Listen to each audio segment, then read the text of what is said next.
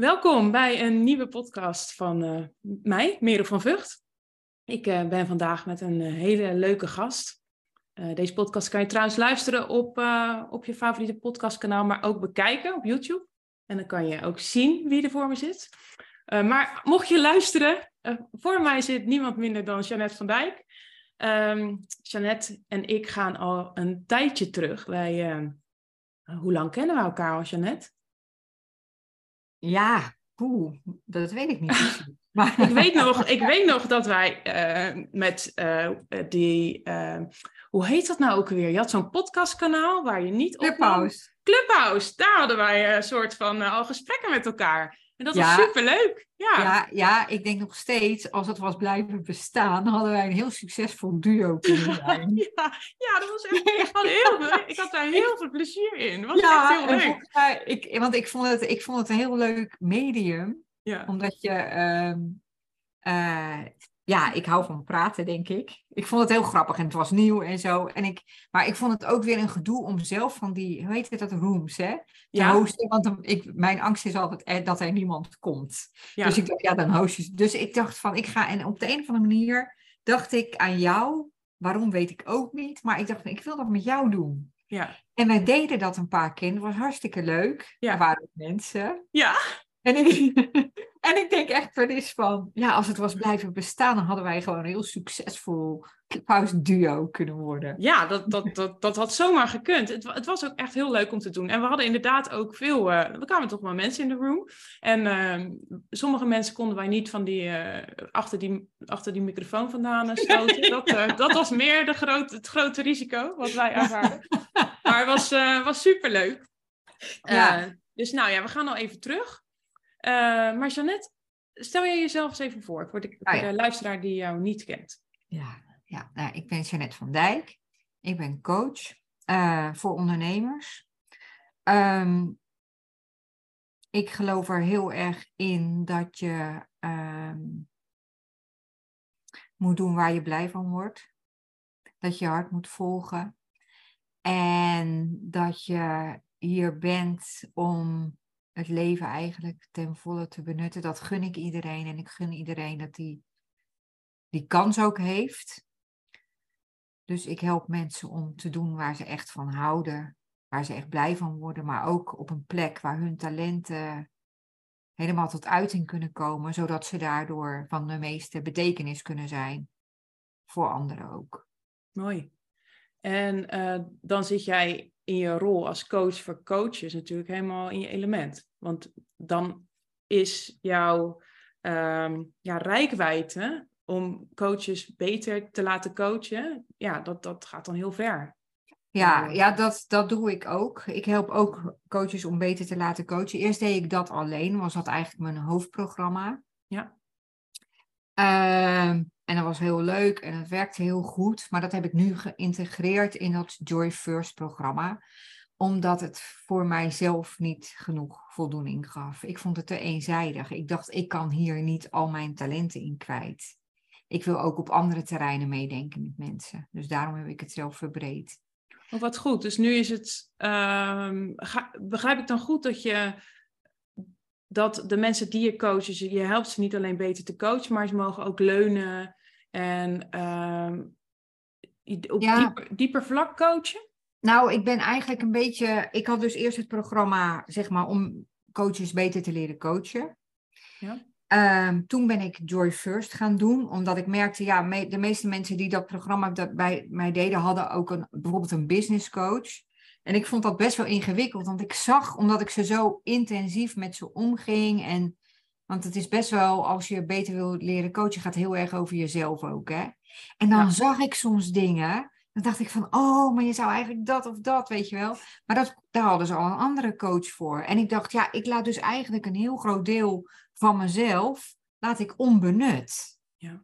Snap je? Alsof je uh, uh, een hele goede slager bent, een hele goede bakker, maar je bakt alleen broodjes. Ik dacht, ja. Ja, we worstenbroodjes maken worstenbroodjes. maar toen ben ik dus eerst, ben ik eerst die worst gaan doen met een Joy First. Ook omdat ik zo geloofde dat dat, dat, dat, dat dat zo belangrijk is.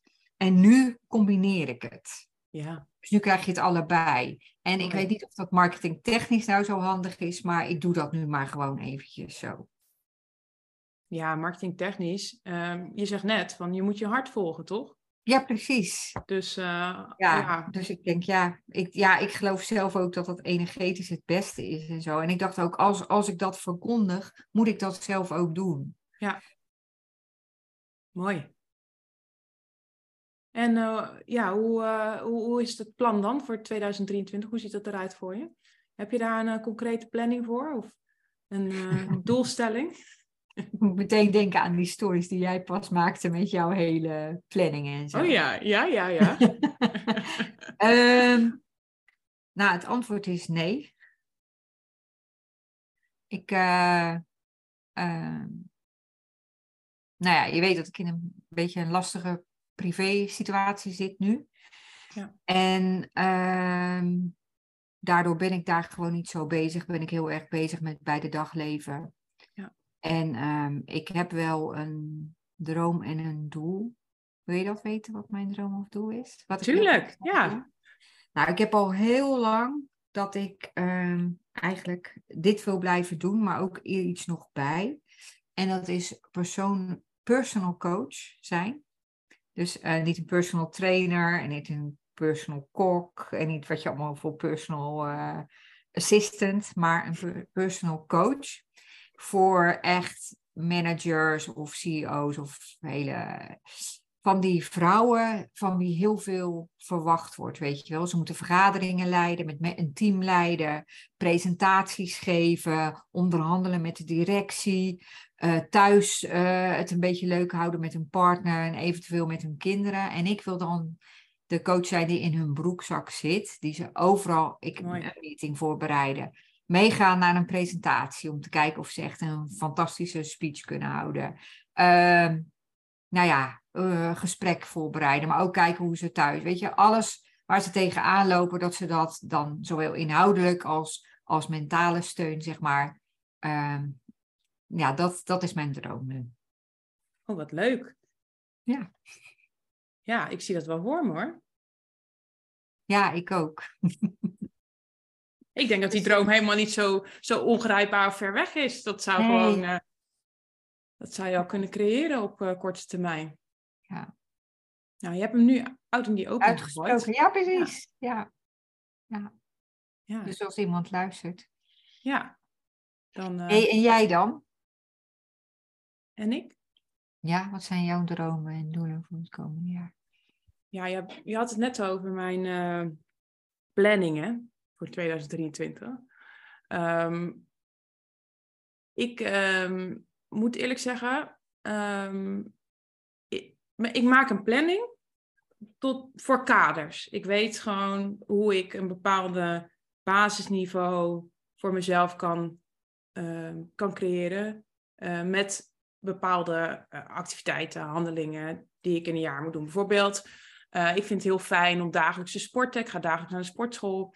Ik, Elke uh, dag, ja? ja? Ja, alleen op werkdagen. Oh, wow. Maar wel, uh, ja, in de ochtend. En ik doe elke dag mediteren. En ik doe bepaalde uh, routines die voor, me, voor mij heel goed werken om een bepaald geluksniveau te bereiken. Um, nu is het zo dat ik voor 2023 een, een, een, ik had het ook op Instagram gedeeld, een soort planning heb gemaakt voor het jaar. Waarin ik um, plan dat ik een opleiding volg, dat ik weekendjes weggaan met vriendinnen, dat ik uh, mijn live dagen organiseer, weet je wel, dat dat allemaal in de planning staat, zodat ik dat bij mij thuis, dat ik daar ruimte voor mezelf creëer. Ik ben getrouwd met iemand die heel makkelijk ruimte pakt, Aha. maar ik moet ook mijn ruimte afkaden. Dus die oh, planning die ik heb gemaakt, was eigenlijk om mijn ruimte, oh, ja. mijn podium te creëren, voor ja, ja, basisniveau. Voor de rest, uh, qua doelstellingen, moet ik eerlijk zeggen dat ik ook niet uh, heel veel doelstellingen maak. Ik laat ook gewoon een beetje de magie ontstaan en uh, gebeuren. Um, ik heb wel in mijn hoofd waar ik uiteindelijk ooit naartoe wil. En um, ik weet ook hoe ik mezelf goed voel. Dus dat, dat probeer ik altijd te volgen. Um, en zo ja, maak je keuzes.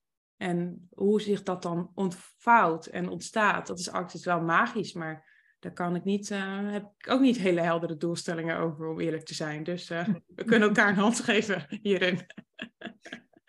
hey, en mag ik dan vragen waar jij dan uiteindelijk naartoe wil?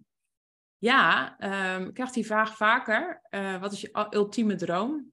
En ik, ik heb niet een, een hele grote droom. Ik, als ik denk aan mijn meest ideale situatie, hoe ik, hoe ik als ik nadenk over later, dan zie ik mezelf in een soort landelijke setting, veel natuur in het bos, als een soort van kruidenvrouwtje, een beetje struinen door de bossen met mijn, uh, misschien wat ik wel boswachter word, zodat ik in een soort van groen pak loop met, uh, met, met allerlei dieren om me heen. En um, ja, dat, dat, dat is een beetje gek om dat zo te vertellen, hè? want ik ben niet, uh, dat is niet iets wat ik nu dagelijks doe.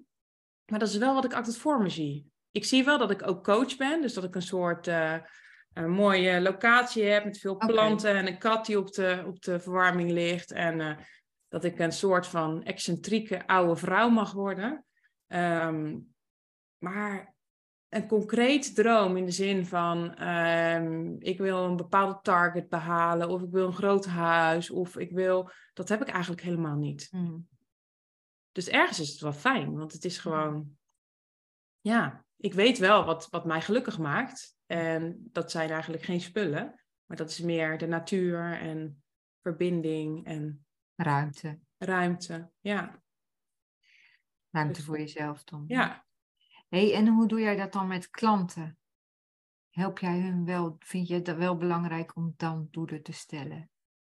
Um, ja, dat hangt af, van af wat de klant. Uh, ja, als coach heb je verschillende coaches, allerlei verschillende smaken en soorten.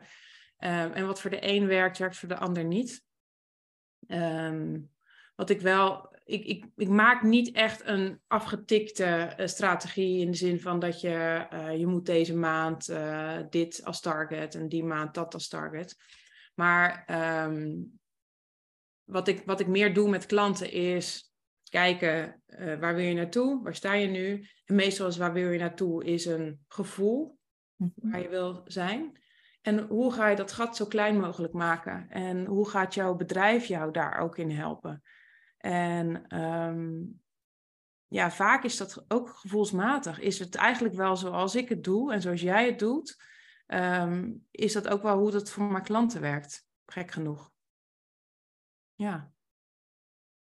Dus uh, het is per klant verschillend, maar het is nooit echt dat ik. Uh, waar, ik waar ik voor wil waken, dat ik, is dat, dat ik met mijn klanten. Um, ja, dat, dat ik ze bepaalde. Ik, ik, kom, ik kom uit bedrijfsleven, ik heb marketing en sales gedaan. Ik heb heel erg strategisch, kunnen nadenken en een, een, bepaalde planning kunnen maken. En echt met targets werken en dergelijke. Uh, voor mij werkt dat heel erg averechts, omdat je, je hebt alleen maar invloed op de acties hè, die, je, die je kan uitvoeren. Maar wat het resultaat dan is, daar, daar heb je geen invloed op. En voor mij persoonlijk werkt het heel erg frustrerend, omdat ik nogal een streper ben en een doorzetter, dat wanneer ik dat afgekaderde resultaat niet behaal, um, ja, dat, dat, dan, dat dan nog harder ga streven. En ik heb daar dus geen invloed op. Dus dan, dan maak ik mezelf gek. En ik wil er dus voor waken dat dat bij mijn klanten ook gebeurt. Dus um, het gaat voornamelijk over contact maken met je lijf, gevoel, hè? Gevoel, contact maken met je gevoel. En dan kijken van wat zegt mijn gevoel nu? En mhm. hoe kunnen we daar concrete acties aan hangen? En dan weer terug naar het gevoel. Eigenlijk is dat de strategie. Hmm. En ben jij altijd, uh, altijd al zo in, heb jij het gevoel altijd al zo belangrijk gevonden? En is het al lang jouw leidraad? Want we worden natuurlijk heel erg opgevoed met ons ja, hoofd. met de ratio. Hoofd, ja. Ja, nou, um, ik heb het gevoel altijd heel, heel sterk gehad. Maar ik heb, heb altijd... Uh, ja, ik, ik, heb mezelf aangeleerd om, dat, om meer vanuit de ratio te denken. Ja. Uh, en op een gegeven moment ja, als je heel erg vanuit die mannelijke ratio gaat uh, opereren, dan kun je heel groot succes kun je bereiken voor jezelf. Uh, maar is dat dan het succes wat je wilt? Uh, en ik stond op een gegeven moment op een plek waar ik voor de buitenwereld heel succesvol was. Heel erg op wilskracht gekregen. Maar ik was helemaal leeg van binnen, helemaal hol, ongelukkig. En um, toen ging ik dus beseffen, ja, maar wat de maatschappij en wat mensen in mijn omgeving van mij verwachten, of wat ik denk dat ze van me verwachten, dat hoeft niet te zijn wat ik van mezelf verwacht. Mm Wat is dan wel wat ik van mezelf verwacht? Ja, dat is eigenlijk wat je alleen maar van binnen um, uit jezelf kan halen. Dat hou je niet uit externe factoren, alleen maar vanuit jezelf. En toen ben ik die link weer gaan leggen. Maar ja, dat is, een, dat is wel een proces uh, van, uh, van jaren geweest. Ik, had, geen, ik had toen geen uh, goede coach die mij daarin hielp. Ik denk dat dat je wel heel wat jaren kan schelen. Als je een, iemand hebt die die blinde vlekken en die, die standaard denken, dat, dat, dat kan, iemand dat dan kan doortrekken, door, doorprikken, dan is dat wel echt scheelt jaren. Ja, toen je aan het praten was, kwam het woord eenzaam in me op. Ja, eenzaam. Ja, ja. Ja, dat klopt wel. Ja. Ja. Ja, ik heb me wel vaak eenzaam gevoeld. Dat klopt, ja. ja. Maar ook wel heel dapper dat je dat hebt kunnen doen. Ja. Ja, maar ook, er was geen andere optie. Nee. Zo'n sterk verlangen van dat je het anders wilde. Ja. ja. Hoe is dat voor jou? Want uh, hoe, hoe is dat uh, die reis geweest voor jou in je leven? Want jij bent nu heel erg sterk vanuit de liefde. Maak je nu keuzes? Help je mensen vanuit liefde keuzes te maken? Um, is dat iets wat jou heel natuurlijk af is gegaan altijd? Um, Ja, ik denk wel dat ik altijd bekend heb gestaan als een heel warm en empathisch persoon. Maar mijn hoofd is zo belangrijk voor mij geweest. Ik vond het zo ja, fijn om goed te zijn op school, om hoge cijfers te halen. Mijn, mijn hoofd was alles. Daar, maakte ik, ja, daar, daar, daar, daar, bereikte ik mee wat ik wilde. Daar kon ik mee denken. Daar kon ik dingen halen. Ehm, belangrijke beslissingen meenemen. Ik kom ook uit een heel nuchter gezin. En toen ging ik bij de krant, ik ben heel lang journalist geweest. En bij dagbladen, nou in elk geval bij de dagbladen waar ik werkte, werkte allemaal hele rationele mensen. Het gaat allemaal over feiten, weet je wel, en over gebeurtenissen. En eh, daar was geen ruimte voor gevoel bijna. Wel, we gingen wel heel goed, het was wel heel warme collega's en zo, weet je. Heel veel mensen waren ook bevriend met elkaar en zo. En, um, um, maar het verstand was zo belangrijk. En bijvoorbeeld coaches, ja, je kreeg alleen een coach als je hoofdredacteur was en bijna omviel van ellende, weet je wel. Dan, nou, dan was je er echt niet best aan toe als je een coach. En alles werd heel snel zweverig gevonden en er zat heel veel oordeel op. Dus daar kwam, daar zat ik middenin. En uh, ja, mijn man was ook uh, journalist, dus wij, wij, wij, wij gingen, mijn vriend, eh, wij gingen ook heel erg om met allemaal journalisten en zo. Dus die hele omgeving was zo. En ik heb dus echt op, een gegeven moment van de een op de andere dag besloten van ik, kap, ik had het onwijs naar mijn zin. Ik was een journalist in hart en nieren. Ik ging elke dag met plezier naar mijn werk. En op een dag dacht ik echt van ik, ik wil nog wat anders in mijn leven. Ik heb het gevoel alsof ik nog wat anders heb te doen. En dat wil ik ook dus toen heb ik mijn baan opgezegd. En toen, nou ja, na, eerst moest ik van alles uitzoeken. En toen ben ik een coachopleiding gaan doen. En nou, daar veranderde al heel veel mee. Maar toen merkte ik op een gegeven moment ook twee jaar zo'n opleiding gaan. Toen merkte ik ook weer, dit is ook nog heel erg ratio. En toen ben ik echt me, ja, Eckhart Tolle ben ik heel erg fan van geworden. En en, en, en eh, door human design ben ik er ook achter gekomen van hé, hey, je hoofd is maar een deel van wie je bent. Je hebt ook nog een heel een intuïtie en een onderbuikgevoel en een weet ik, een hart. Dus daardoor ben ik ook veel meer gaan luisteren naar mijn hart en naar mijn gevoel. En dat er veel meer in gaan stoppen, ook in het werken met klanten. En ik ben daar elke dag gewoon nog een soort blij mee of zo. Dankbaar voor. Dat het heeft mijn leven zo verrijkt. Die andere mindset.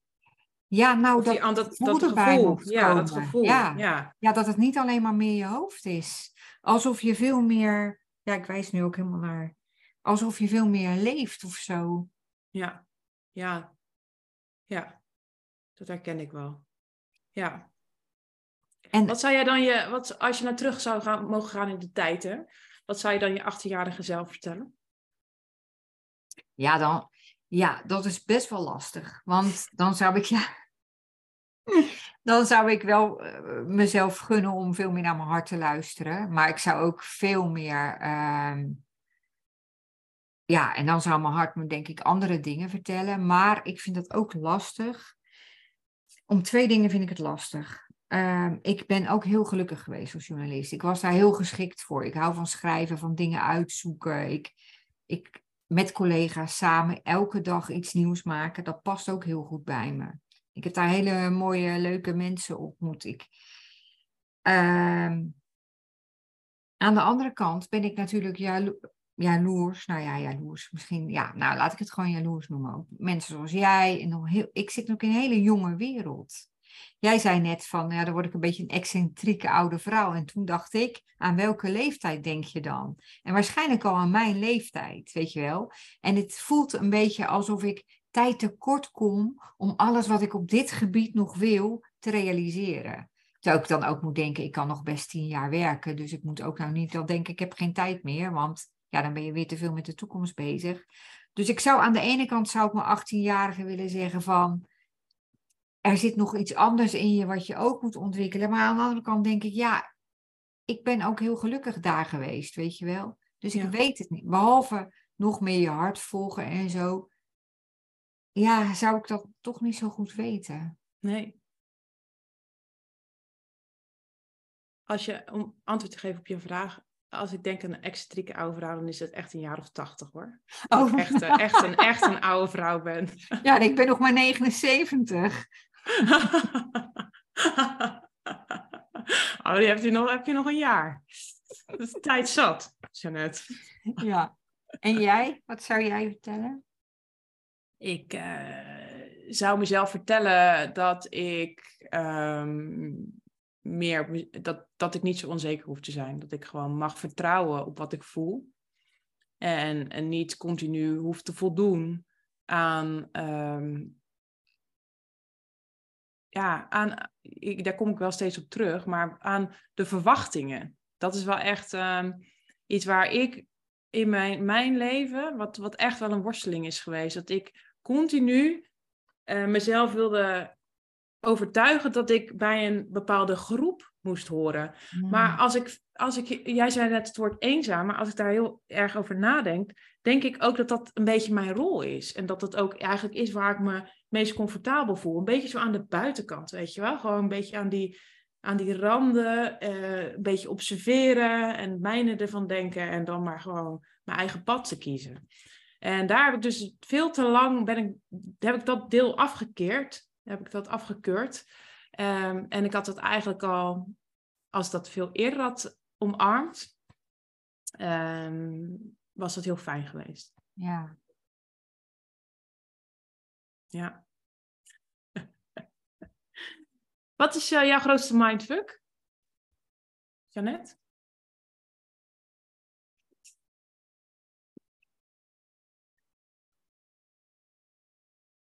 Ja, ik denk dat ik dat wel. Ja, ja. ja ik ga nu gewoon heel eerlijk zijn, hè? Ja? ja, dat is toch te klein denken. Ja.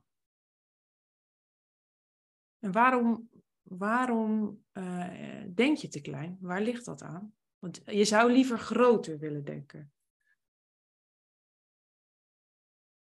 Ja. ja? doe dat dan. Ja, doe dat dan. nee, maar je zou het liever, liever je zou liefst heel groots willen, willen denken. Ja. Over je bedrijf, over jezelf, over je kunnen. Ja. Um, en dan is er toch iets wat je, wat je dan tegenhoudt. Ja, ik zei vroeger altijd van als mensen zeiden, wat wil je worden, zei ik altijd beroemd. Ach, wat schattig. Ja. Nou, dat toen was ik nog 78 hoor. ja, vroeger. Toen had je nog alle tijd. Vorige week. Nee, echt. Maar echt, dat heb ik gewoon... Ja, ik zeg het toen gewoon niet meer. Maar ik denk dat ik het een jaar geleden nog zei of zo. Ik heb ook... Ja, ik, ik, ik, ik, ik, heb een paar boeken geschreven. Nou, twee. Maar goed, een paar. Twee een maar paar. wat is beroemd? Ja, nou ja, dat je gewoon, ik weet nog dan, en dan, dan had ik dat, e, ons eerste boek was best succesvol, tweede boek, mijn tweede boek was niet zo succesvol, maar dan dacht ik, stel je voor dat dit nou een bestseller wordt. En dan zat ik ergens, ik weet nog precies, zat ik ergens in een strandtent en dan dacht ik, ja, dat ik dan hier zit en dat iedereen mij ook kent. Dat is leuk, ja. Dat ja, vind ik heel erg leuk. Of ja. dat ik gewoon op, op uh, ik, ik heb wel eens, ik hou ook heel erg van op een podium staan. Maar dat was altijd ja, voor, voor uh, eh, 100 medewerkers of mensen of zo is meeste. Maar ik wil best in carré. Ja. Weet je wel, of in de Ziekodoom. ja, groot denken. en wat zou je dan doen op dat podium? Ja, op dat podium zou ik natuurlijk, uh, dat weet ik wel, dan zou ik een soort, uh, dat, dat heb ik ook gedaan, zou ik een soort coach op het podium zijn. Ik vind zelf door al die, alles wat ik geleerd heb over coachen, is, is mijn leven zo veranderd, ben ik zelf veranderd, zijn mijn relaties veranderd. En ik gun dat iedereen om veel meer inzicht te krijgen in zichzelf, in de relatie met anderen, in, uh, weet je wel, hoe je in je gevoel.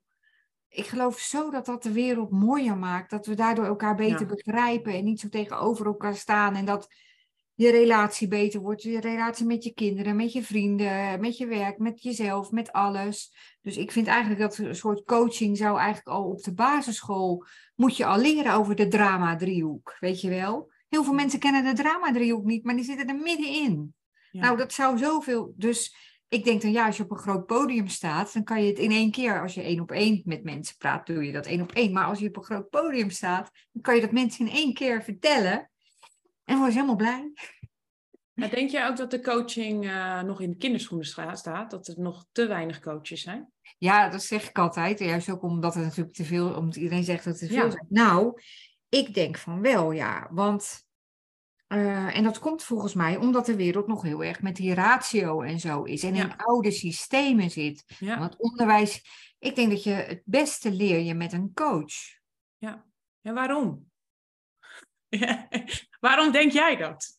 Ik weet natuurlijk wel mijn eigen. Als ik, ja, ik, ik weet wel, het is een beetje een uh, retorische vraag. Maar waarom denk jij dat het met een coach beter gaat?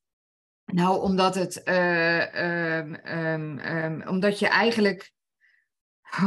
hadden we deze vraag niet even kunnen voorbereiden? nou, ja, dat gaat, dat gaat zo. Hè? Ja, ik, had, ik had wel andere vragen voorbereid. Misschien. Uh, wat is de beste bitterbal? Ah, die weet ik, die weet ik. Um, nee, maar een, het, eh, een, een, het ouderwetse schoolsysteem is natuurlijk ook heel erg met, op ratio gericht, sowieso. Het is een, de, de, de meest bekeken TED-talk, ik zoek dat soort dingen op, hè. Wat is de meest bekende, bekeken TED-talk? Nou, dat blijkt dus van een, een man die een visie heeft op onderwijsvernieuwing. Die oh. zegt, op het moment dat kinderen naar school gaan, worden zo alle kinderen opgeleid tot hoogleraar. Want het gaat allemaal over ratio, ratio, ratio, weet je wel? Ja, dus zo'n malletje. En daar moeten ze dan in. En lukt het niet, dan gaat met grof geweld worden ze erin gepropt. Ja, ik weet het. Mijn kinderen zitten nu op de basisschool. Ja, nou, en het is allemaal natuurlijk alsof, alsof alle kinderen... Kijk, mijn kinderen waren super geschikt om vanaf hun vierde in de klas zo met hun armen over elkaar pardon, op een stoel te zitten en naar een juf te luisteren, weet je wel. En die houden heel erg van leren. Die houden helemaal niet van projecten en zo. Dat, voor mijn kinderen is het onderwijssysteem super geschikt. Ja, maar ik weet dat het voor heel veel andere kinderen niet zo is. Dus het is heel erg op ratio. Het is heel erg op de algemene deler. Je leert allemaal dingen waarvan je later denkt, ja, waarvoor heb ik dat geleerd? Weet je, dat curriculum is nog steeds hetzelfde. Ja. En coachen gaat niet alleen over je hoofd, gaat ook over je gevoel. Ja. En ik denk van een, uh, uh, de beste resultaten halen, halen ook topspelers, uh, halen dat met persoonlijke begeleiding. Ja. Met het praktische en het theoretische combineren. Nou ja, dit zijn een beetje van die dingen die bij hem opkomen. Ja. Maar ik denk, ja, ja, dat er heel veel behoefte is. Ja, je ziet het aan al die burn-outs en al die mensen die niet gelukkig zijn op hun werk, die niet gelukkig zijn in hun relatie, al die moeders die het veel te druk hebben met hun kinderen, al die... De GGZ heeft enorme, enorme, enorme, enorme wachtlijsten. En dan gaan mensen zeggen, er zijn te veel coaches. Ja. Ja. Klopt niet. Nee. Ja, ik, uh, ik, ik, ben dus, ik deel die mening wel. Dat, uh, dat er op ieder potje past wel een goede coach. Misschien uh, ieder potje past een dekseltje. Ik denk dat er te weinig, uh, dat er echt wel, dat, dat coaching in de kinderschoenen staat. En dat um, mijn man, Michiel, die had vorige week een podcast opgenomen. Die, maakt, die heeft een podcast, um, die, wordt, die wordt trouwens heel goed beluisterd. en die heeft best wel gasten die Ehm, ja, met een verhaal, weet je wel. Jij hebt ook een verhaal hoor, dat, dat, dat bedoel ik niet te zeggen. Maar ik bedoel meer, uh, hij heeft bijvoorbeeld die Ray van uh, Kamp van Koningsbrugge. En uh, hij had, vorige week had hij de geluksprofessor in zijn podcast. En dat die man... van Veenhoven, heet hij zo? Of niet? dat weet ik dus niet. Ik weet niet wat zijn echte naam is. Maar het zou, zou zomaar kunnen. en die... Ik, Michiel vroeg aan mij van tevoren, kun je, heb jij een vraag voor de geluksprofessor? Toen zei ik, ja, misschien kun je hem vragen of uh, coaching echt helpt om uh, gelukkiger te worden. En toen was zijn antwoord ja. Omdat met coaching kun je dus jouw, je hebt kaders in je hoofd, je kijkt met een filter. En een coach helpt jou om voorbij dat filter te kijken. En waar ik dus uh, toen jaren over gedaan had om een bepaalde mindset te doorbreken, om een bepaalde um, uh, ja, standaard denken te doorbreken, mhm. kan een coach jou gewoon in, in no time uh, helpen dat af te breken. En uh, hoe mooi is dat dan? Dat neem je altijd mee. Met je de rest van je leven. Ja. En als we het nog hebben over de droom die ik heb. Ik, uh, uh, ik, wat, en wat ik, wat ik ook mijn, mijn klanten gun als, uh, als droom. Is dat zij oud en bejaard, hè, 78 ongeveer. nee, veel ouder. achter de geranium zitten in een bejaardenhuis. En dat ze dan denken. Yo, ik, ik ben trots op wat ik heb gedaan. En of, ik, of je nou gefaald had, of je bent geslaagd. Je hebt het in ieder geval gedaan, geprobeerd, je hebt geleefd dat is toch, ja, ja leven, geluk. Ja. Dus ja. Ja, ja. ik zat ondertussen, onderweg, ondertussen onderweg ook nog even te denken aan, aan over coachen. Kijk, het hoeft niet per se um, dat iedereen een coach heeft of zo, maar dat bijvoorbeeld dat leerkrachten, docenten, zeker ook in middelbaar onderwijs, ook meer coachend zijn. Ja. En bijvoorbeeld leidinggevende ook meer coachend zijn. Dus niet van bovenaf opleggen, nu moeten jullie dit en dat doen. Maar veel meer vanuit, uh, ja, waar heb jij behoefte aan? Wat, hoe kunnen we ervoor zorgen dat jij het beste functioneert, het beste tot je recht komt? Hoe kan je, weet je, ook verantwoordelijkheid leggen bij je medewerkers? Ja. Ja, er is nog wel een hele, hele reis af te leggen. Ja. Vooral bij corporate organisaties, die kunnen daar wel, uh, wel wat van leren. Ja, oh, als je, als je dat ook hoort, weet je wel. Ja, ik woon dan in Leiden. Tenminste, ik kwam bij Leiden, maar ik zit nu in mijn kantoor in Leiden. Nou, goed, maar dan heb je de universiteit. En een paar jaar geleden was bij de, af, bij de faculteit pedagogiek echt van alles aan de hand. En nu weer bij sterrenkunde. Echt schrikbewinden, hè? Oh ja, joh. Mensen die echt ziek zijn geworden. En en werden tegengewerkt en niet, niet, nou echt. En dan lees je die verhalen en dan denk je, het is 2022. Ja. Hoe heeft dit jarenlang kunnen bestaan? Ja. Ja, bijzonder hè? Ja. Ja, het is gewoon een angstcultuur. Ja, ik heb een coachie en die uh, uh, coach PhD-studenten. Daar schijnt ook mm. gewoon heel oh, veel, hele grote, hele erge cultuur, machtsculturen te zijn. En ja. je, kan, je kan jezelf of uh, laten horen en dan heb je kans dat je je PhD niet haalt. Hè? Dat is je droom, dat is eigenlijk waar je voor gewerkt hebt. Of je moet het gewoon ondergaan een paar jaar en dan uh, heb je het wel in het zakje. Maar ja, wie, vallen ook gewoon mensen ondertussen af. Hè? Het is gewoon een uh, bizarre cultuur. Ja, dus uh, mooie, er zijn echt nog grote stappen te nemen. Ja, ja. Ja, zeker. Ja, denk ik ook. Ja, ik vond het ook grappig wat jij zei over wat een coach doet. Daar heb je helemaal gelijk in. Ik, ja, ik noem het dan wel ontregelen. Het oude ja. verhaal ontregelen. Ja. Anders denken. Is niet comfortabel, hè?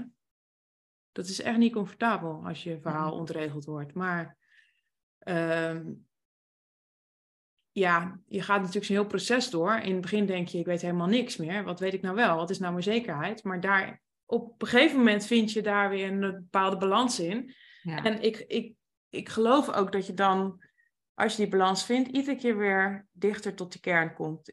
Dichter tot wie je echt bent. En ehm, ja, dat die uigen langzaam afgepeld wordt. Ja. Ja. Hey, wat maakt uh, volgens jou dan een goede coach?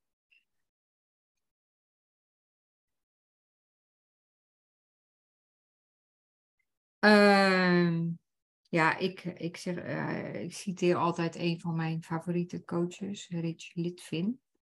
Die heeft gezegd, een topcoach uh, ziet wat anderen niet zien en zegt wat anderen niet zeggen. Uh, nou, dat denk ik heel erg dat dat is. Dat je inderdaad het verhaal, oude verhaal ontregelt en durft te benoemen. Ja, ziet wat er gebeurt bij iemand en in welk patroon die zit en waar die zich klein houdt en zich tegenhoudt. Maar toen jij, dat is mijn standaard antwoord eigenlijk. Maar uh, net kwam er wel het woord binnen. en dat was het woord liefde. Ja ik denk dat liefde heel erg belangrijk is. En liefde is niet het doodknuffel liefde of het allemaal maar lief willen zijn, gevonden willen worden. Maar vanuit liefde voor de ander uh, naar de dingen kijken en van daaruit ook zeggen wat er gezegd moet worden. En ja. iemand uitdagen uh, vanuit liefde. En, ja. soms is dat tough love. Hè? Ja, dat iets ja. iemand niet, uh, niet wil horen, maar wel met de intentie om Ehm, om iemand beter te maken en eh, iemand te helpen. En uh, ja, dat is wel mooi. Ja. ja, en dan is het nog steeds liefde, hè? Eigenlijk meer liefde dan wanneer je het niet zegt. Ja. Als je echt het beste met iemand voor hebt, dan. Ja. Ja, en het is natuurlijk wel. Ja, ik, ik vind coachen ook wel echt een vak. Een kunst en een vak. En dat is natuurlijk wel, ik geloof echt van heel, met heel mijn hart dat er mensen zijn die van nature heel erg een goede coach zijn. En tegelijkertijd geloof ik ook, en dan preek ik natuurlijk een beetje voor mijn eigen parochie, maar ik geloof daar ook echt in. Dat je er beter in kan worden en dat dat ook wel een beetje moet. Ja, je moet jezelf ook ontwikkelen. Ja. Ja, ja. ja zeker. Ja. Vind ik ook wel. Ja. En toen ben ik wel benieuwd welke opleiding jij gaat doen.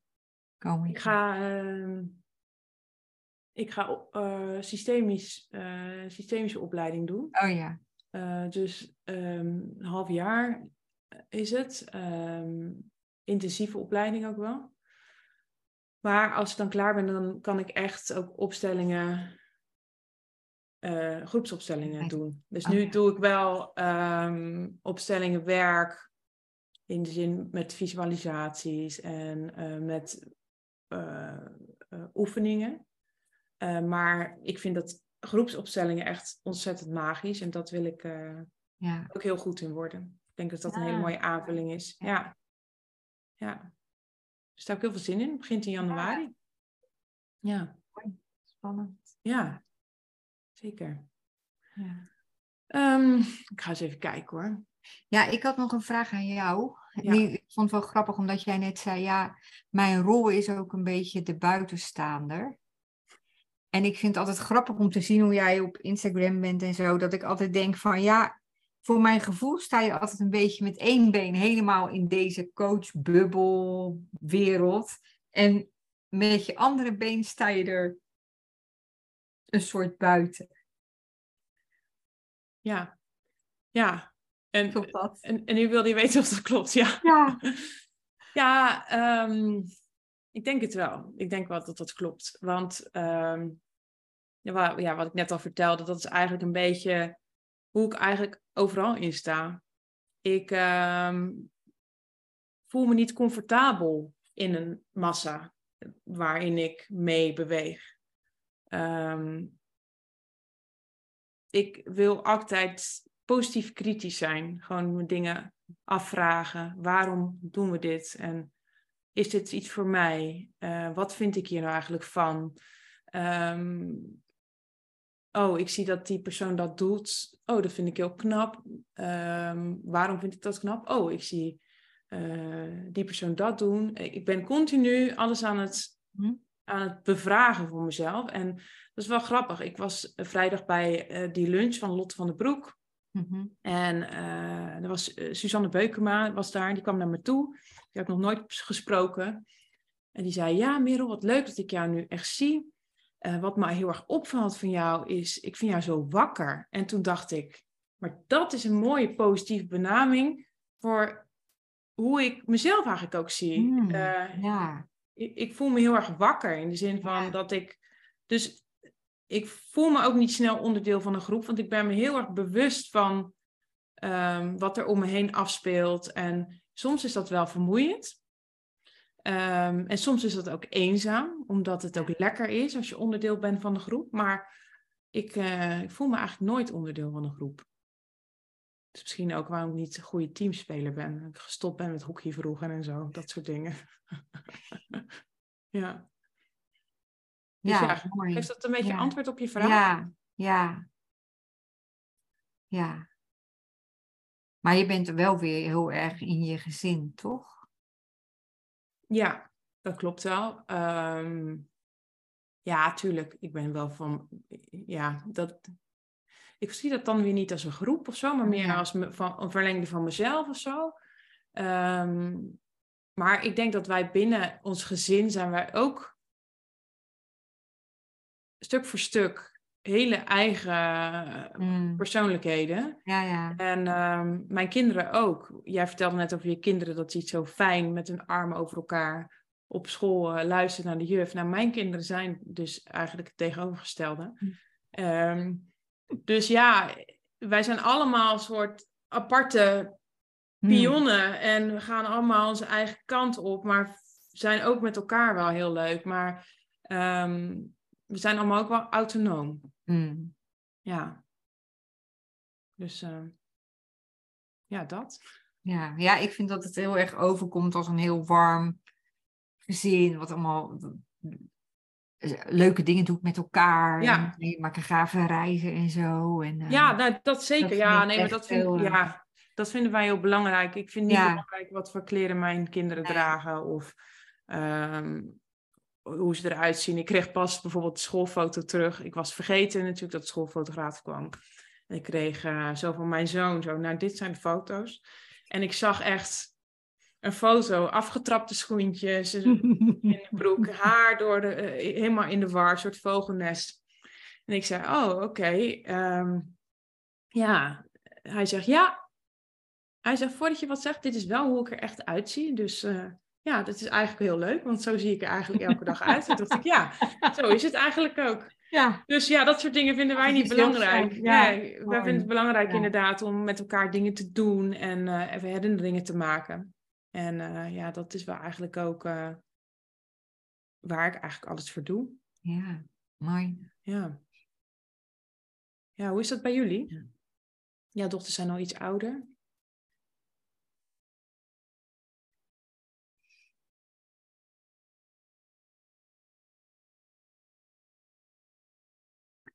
Um, ja, ik denk eigenlijk. ik denk eigenlijk dat wij ook. Uh, um, wij hebben ook allemaal behoefte aan ruimte. Ja. Ja, en voor onszelf en zo. Wij zijn eigenlijk ook. Uh, ja, kijk, mijn dochters wonen half bij mij en uh, half ergens anders. Maar mijn tweede man, die niet mijn vader is, is ook heel erg iemand die zijn eigen weg moet gaan. Weet je wel, zijn, zijn human design is ook helemaal van dat hij zijn eigen weg moet gaan. Dus eigenlijk zie ik het bij ons eigenlijk ook wel. Wel warm en zo, maar ook allemaal een eigen ding en uh, een eigen ruimte. En uh, ja, dat, dat, is natuurlijk ook als je kinderen ouder worden. Hè, op een gegeven moment gaan ze, zijn ze weg of naar boven. Dat is heel. ik ben denk ik nog de meeste, degene die. ik hou ook heel erg van spellen samen doen, bijvoorbeeld. Weet je wel, ja, dat vind ik gewoon gezellig. Ik ben denk ik nog de meeste degene die het liefst iedereen nog een beetje. Maar ik kan ook eigenlijk weer heel erg mijn eigen gang gaan. Zoiets. Ja, nou ja, dus uh, een beetje het vergelijkbaar als. Uh, maar ik vind het heel gezond dat je je eigen ruimte pakt eigenlijk. Ja, zo. Ja. Hey, uh, wij komen zo een beetje aan het einde van, van de podcast. En ik had nog een vraag ehm, aan jou. We zitten zo aan het einde van het jaar ook.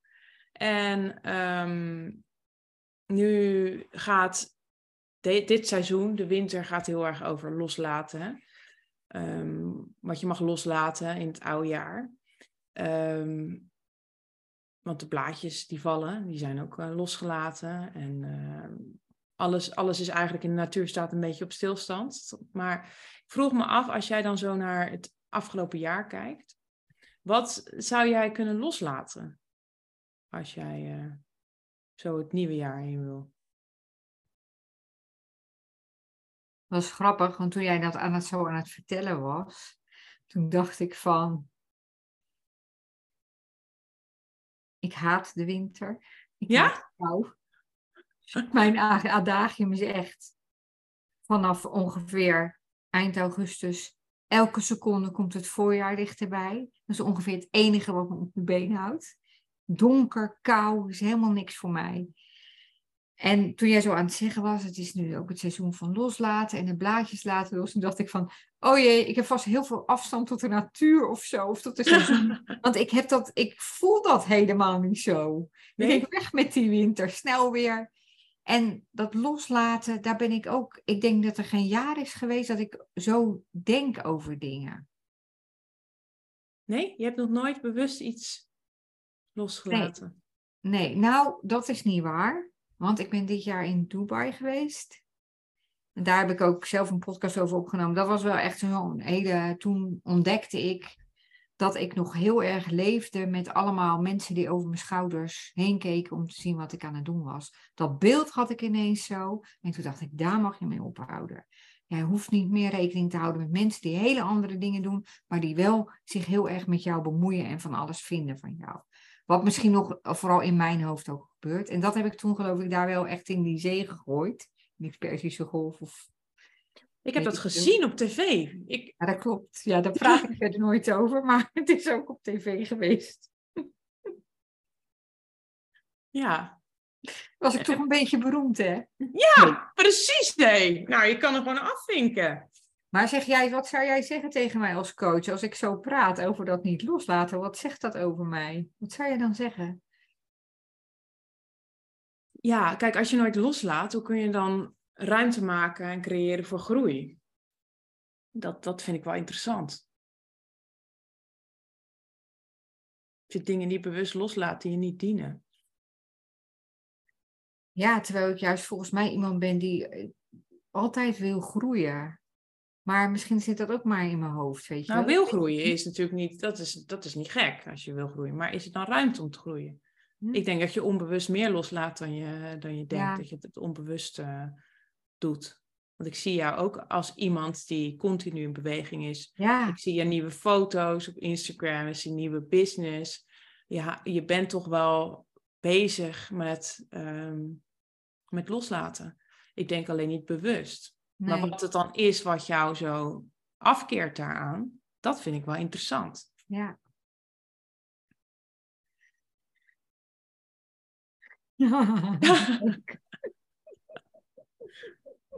Wat is je grootste inzicht van afgelopen jaar?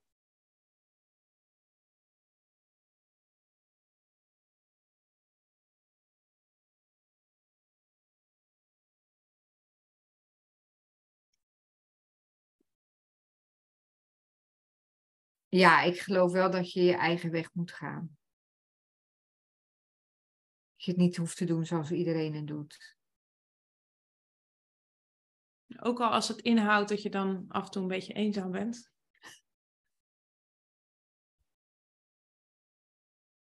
Ja, ik denk dat je nog veel eenzamer bent als je iets doet wat niet bij je, waar je niet hoort of eh, wat niet bij je past. Exact. Ja, dat is mooi. Ja. Nou, dat vind ik een mooi om mee af te sluiten. Nee, want jij moet nog zeggen wat oh. jij gaat loslaten. Wat ik moet loslaten. Ik laat. Um... Want jij bent daar dus wel heel bewust mee bezig. Ja, ik ben daar wel heel bewust mee bezig. Want, hoe doe je dat dan?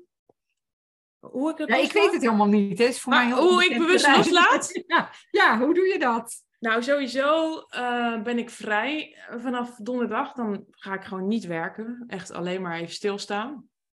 En um, ik reflecteer dan wel wat ik, um, wat, wat, waar ik eigenlijk, wat, me niet meer dient. En ik doe dat sowieso ook wel met de maan en dergelijke. Um, maar wat ik echt in 2022 wil laten, is eigenlijk nog een stukje controle. Ik wil veel meer kunnen vertrouwen op de natuurlijke loop van de dingen. En ook het vertrouwen hebben dat ik het ermee kan dealen, wat er ook op mijn pad komt. Dus dat, uh, dat is mijn stukje loslaten.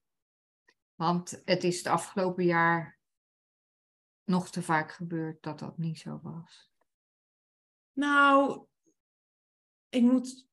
Het, ja, nou ja, soms heb je van die situaties hè, eh, in het ondernemerschap dat. Uh, ik heb nog steeds wel dat soms mijn ratio de overhand neemt. Dus dat ik denk van, nou, weet je, ik wil uh, een live dag organiseren. En ik wil dat daar uh, acht mensen komen. En dan is, zijn er, komen er bijvoorbeeld maar drie. Bij wijze van spreken. Het is eigenlijk altijd goed gekomen. Uh, in die zin dat, dat, dat er altijd mensen kwamen die ik, het aantal dat ik in mijn hoofd had. Maar eigenlijk zou me dat geen reet moeten interesseren. Hmm.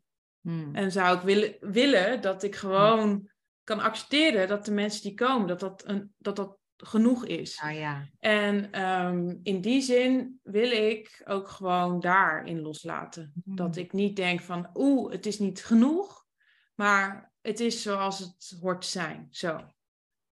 En uh, ja. ja. En dat schept natuurlijk ook weer ruimte voor nieuwe mogelijkheden. Ja, exact, ja. Want het is niet zo dat je stilstaat. Je bent toch net, ja, net als die natuur. Ik haal er altijd wel weer bij. Kruidenvrouwtje hè, is mijn eh, archetype. is altijd in ontwikkeling. Het is, uh, hangt nooit een appel aan dezelfde, op dezelfde plek aan de boom, weet je wel. Het is elke keer weer op andere... Ehm, dus ja, hoe kan je dan verwachten dat dingen gewoon exact hetzelfde elke keer verlopen? Dat kan niet. Mooi dat jij steeds zo die natuur er zo bij, bij haalt. Ja. Ja. Ja, dan zie ik ineens allemaal mogelijkheden. Ja. Ja, zie je mogelijkheden? Ja. welke zin? Nou, dat je dat nog veel meer in je werk ook zou kunnen integreren. Ja. Dat je nu, zeg maar, je woont, je bent nog niet in die, maar dat je nu al die boswachter bent. Ja. Ook ben je nog niet in dat bos, maar dat je gewoon veel meer. Ja, dat, uh, dat is wel. Uh, dat... dat lijkt me ook wel lekker om te doen. Uh, maar hoe zich dat dan moet vormen, dat, ik geloof ook wel dat de dingen dan ontstaan. Uh, maar die intentie ligt er wel. En we hebben ook een huisje in, uh, op, op, de Veluwe. Ja. Um, vlakbij het bos. En ik, ja, ik ben nou helemaal in mijn element. Ja. Ik weet ook, van de zomer ging ik begin een weekend weg met z'n tweeën. Toen gingen we dus ook naar zo'n natuurhotel. En dan hadden we een boswachter gehuurd die dan met ons een wandeling ging maken. Ging vertellen over de bomen en alles. En toen zei ik tegen hem, ja, dit is toch totaal niet sexy dat wij met z'n tweeën zo, met zo'n boswachter. Maar ja, het is wel, uh, ik zie ons wel zitten als wij straks gepensioneerd zijn, weet je wel, voor dag en dauw in een soort van camouflagekleding te wachten tot de herten komen en zo. Ja, dat is wel een beetje onze, onze droom, hoe dat eruit ziet. Niet sexy, maar wel leuk. Dat is ook maar weer een oordeel, hè? Ja, dat, dat is, is dan wel sexy, ja. Op een boot in Dubai. Oh ja. Super sexy is dat. Ja. Oh ja. ja, je hebt gelijk, Joep. ja. Hey, uh, Janet, wil jij uh, nog iets vragen? Iets weten? Um, Nee, volgens mij eh, heb ik de vraag gesteld die ik wilde stellen. Ja, nou ik ook. Ik vond het superleuk om jou uh, in de podcast te hebben. Wil jij even vertellen waar de mensen jou kunnen vinden? Ja, nou ik zit vooral op Instagram, gewoon onder mijn eigen naam, Janet van Dijk Coaching. Ik zit op LinkedIn. Ik heb een website, die heet ook uh, van Dijk, J-A-N-E-T. En um, ik heb zelf ook een podcast, die heeft een tijdje stilgelegen. Maar, oh, dat is wel een nieuw plan. We hadden het daar nou over. Um, een van mijn doelen voor het. Ik heb wel een doel, is om die podcast te filmen. Ik vind het hartstikke leuk, die podcast. Alleen het kwam er gewoon even helemaal niet van. En ik had eerst het idee om elke dag om vier uur op een bankje te gaan zitten en daar dan gewoon een podcast op te nemen. Maar nou heb ik hier niet in de buurt een bankje. En dan denk ik, ja, dan moet ik elke keer precies om vier uur weer naar dat bankje. Ja, en is het ook zo koud nu? Ja, ja, ja, maar dat leek me nou juist ook wel weer leuk. In de sneeuw en in die winter en zo. Maar ik moet daar nog even, maar iets, dat is wel. Uh, dus Leuk. de podcast die heet ook gewoon Jeannette van Dijk. En uh, ja, dat was wel een van mijn voornemens. Ja, en nu de laatste vraag van mij aan jou. Wat is nou de beste bitterbal? Oh ja. ja. Dus jij bent bitterballenkoningin, toch? Van ik ben bitterballenkoningin, ja. zeker. Ik, uh, ik, het is echt ongelooflijk hoe ik dat marketingtechnisch neer heb gezet. Op een gegeven moment kreeg ik zoveel foto's van mensen die bitterballen aan het eten waren, dat ik dacht, ja, ik kap er nu even mee, anders heb ik daar geen trek in. Maar de lekkerste bitterbal heb ik, dat is een vegan bitterbal, die heb ik gegeten. Vegan? oh, wat goed. Ja, super lekker. Oh, van oma Bob's vind ik de, want ik, ik eet nu wel weer af en toe vlees, maar ik ben vegan geweest en ik heb geen vlees gegeten, maar dan had ik toch nog, het enige wat dan mocht was dan bitterballen. Dat zijn de oma Bob's. Die vind ik het allerlekkerste van maar de vegan, die kan je kopen bij uh, Strandtent Zomers in Castricum. En ik heb ze gemaild om te vragen waar hun bitterbal vandaan kwam. En die komt van een of ander bedrijf in Noord-Holland. En dat bedrijf heb ik ook gemaild om te vragen bij welke horeca uh, tenten in deze omgeving ze ook die bitterballen leveren. Want dan dacht ik, dan ga ik daarheen. Maar ik ben dus even de naam vergeten, maar het zit in Noord-Holland en bij zomers in Castricum kan je ze kopen. En ik weet dus, ik heb nog geen antwoord gekregen waar ze nou hier te koop zijn, maar dat zijn ze. Ja, oh, maar dat is wel een beetje een dooddoener, dus wij kunnen die niet kopen. Nee, alle moeten we helemaal naar Castricum om uh, bitterballen te eten. Ja, die, die, die, fabriek staat in Heer Hugo Waard of zo. Dus uh, ja, ik, ik, ze moeten gewoon even bekendmaken waar ze aan waar, waar. Misschien leven ze ook bij jou in de buurt. Ja. ja, en anders moet je die oma Bobs nemen. Oma Bobs. En die zijn wel uh, verkrijgbaar in uh, de Albertijn. Oh, nee, nee. Alleen bij de horeca? Ja, nee, wij, wij, ja, wij hebben zelf geen frituur. We hebben over bitterballen van kwekkenboom. Die kan je bij Albert Heijn kopen. Ook met uh, kaas. Die zijn prima. Maar ik vind bitterballen eet je buiten de deur. Oh, dat is wel etiquette. Een vet, getapt biertje erbij. Lekker fluitje erbij. Heerlijk. Ja. Nou, dat is een, uh, een goede tip. Oma Bob's bitterballen. Ik ga erop letten. Oké. Okay. Nou, hey, dankjewel voor je uh, openheid en uh, gezelligheid. En ja. ik, wij spreken elkaar weer. Dankjewel, Jeannette. Oké, okay, jij ook bedankt. Doeg.